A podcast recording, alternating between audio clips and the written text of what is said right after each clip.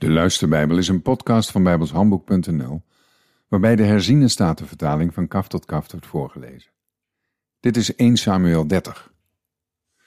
Het gebeurde echter toen David en zijn mannen op de derde dag in Siklag aankwamen, dat de Amalekieten een inval gedaan hadden in het zuiderland en in Siklag. Ze hadden Siklag verslagen en met vuur verbrand, en de vrouwen die er waren, van de kleinste tot de grootste, als gevangenen weggevoerd.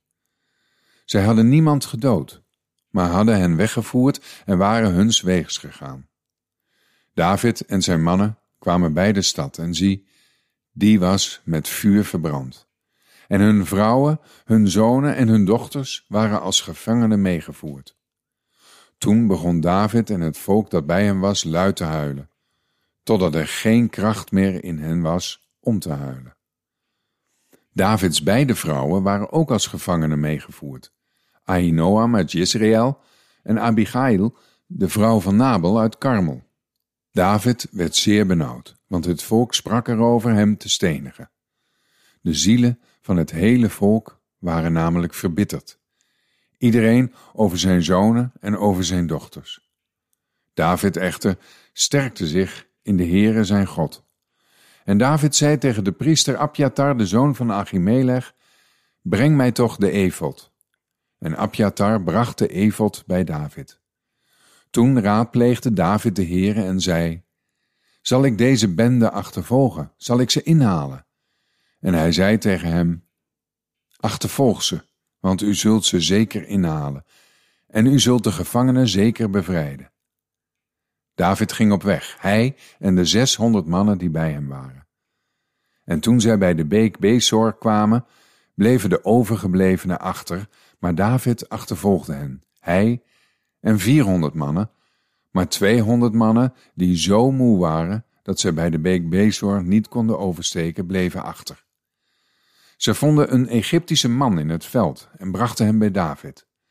Ze gaven hem brood en hij at en ze gaven hem water te drinken. Ze gaven hem ook een stuk van een klomp vijgen en twee rozijnenkoeken. Hij at en zijn geest kwam in hem terug, want hij had drie dagen en nachten geen voedsel tot zich genomen of water gedronken. Daarna zei David tegen hem, Van wie bent u? En waar komt u vandaan? Toen zei de Egyptische jongen, Ik ben de slaaf van een Amalekitische man. Maar mijn Heer heeft mij achtergelaten omdat ik drie dagen geleden ziek geworden ben.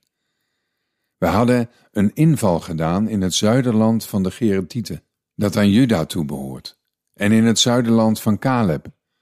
En wij hebben Siklag met vuur verbrand. Toen zei David tegen hem, Kun je mij naar deze bende brengen? Hij zei, Zweer mij bij God dat u mij niet zult doden en dat u mij niet zult overleveren in de handen van mijn Heer. Dan zal ik u naar deze bende brengen. En hij bracht hem erheen, en zie, ze lagen verspreid over het hele gebied, etend, drinkend en feestvierend vanwege heel de grote buit die zij meegenomen hadden uit het land van de Filistijnen en uit het land van Juda. David sloeg op hen in van de schemering tot aan de avond van de volgende dag. Er ontkwam niemand van hen, behalve vierhonderd jonge mannen, die op kamelen reden en ontvluchtten. Zo bevrijdde David alles wat de Amalekieten meegenomen hadden. Ook bevrijdde David zijn twee vrouwen. Niemand van hen ontbrak, van de kleinste tot de grootste, tot de zonen en de dochters toe. En niets van de buit, ja niets van alles wat zij voor zich meegenomen hadden. David bracht het allemaal terug. David nam ook al de schapen en de runderen mee. Ze dreven die voor het eigen vee uit en zeiden: dit is de buit van David. Toen David bij de tweehonderd mannen kwam, die zo moe waren geweest dat zij David niet hadden kunnen volgen en die zij bij de beek Bezor hadden laten achterblijven, gingen die David en het volk dat bij hem was tegemoet. David naderde tot het volk en vroeg naar hun welstand. Toen namen alle slechte en verdorven mannen onder de mannen die met David meegetrokken waren het woord en zeiden: omdat zij niet met ons opgetrokken zijn, zullen wij hen niets geven van de buit die wij gered hebben, maar aan ieder alleen zijn vrouw en zijn kinderen. Laten zij die meevoeren en weggaan. Maar David zei: Zo moeten jullie niet doen, mijn broeders, met wat de Heer ons gegeven heeft. Hij heeft ons bewaard en heeft de bende die op ons afkwam in onze hand gegeven.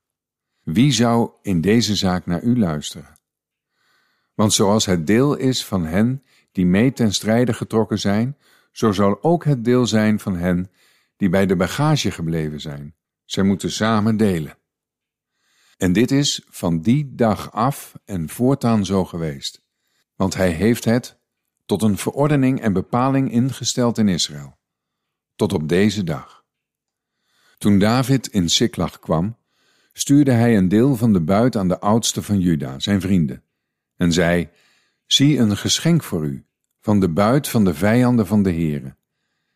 Het werd gegeven aan die in Bethel, aan die in Ramoth, in het zuiderland, en aan die in Jatir, en aan die in Aroer, aan die in Sifmoth, en aan die in Estemoa, en aan die in Rachel, aan die in de steden van de Jeramelieten, en aan die in de steden van de Kunieten, en aan die in Horma, en aan die aan Bor-Asan, en aan die in Atach, en aan die in Hebron en aan al de plaatsen waar David geweest was, hij en zijn mannen.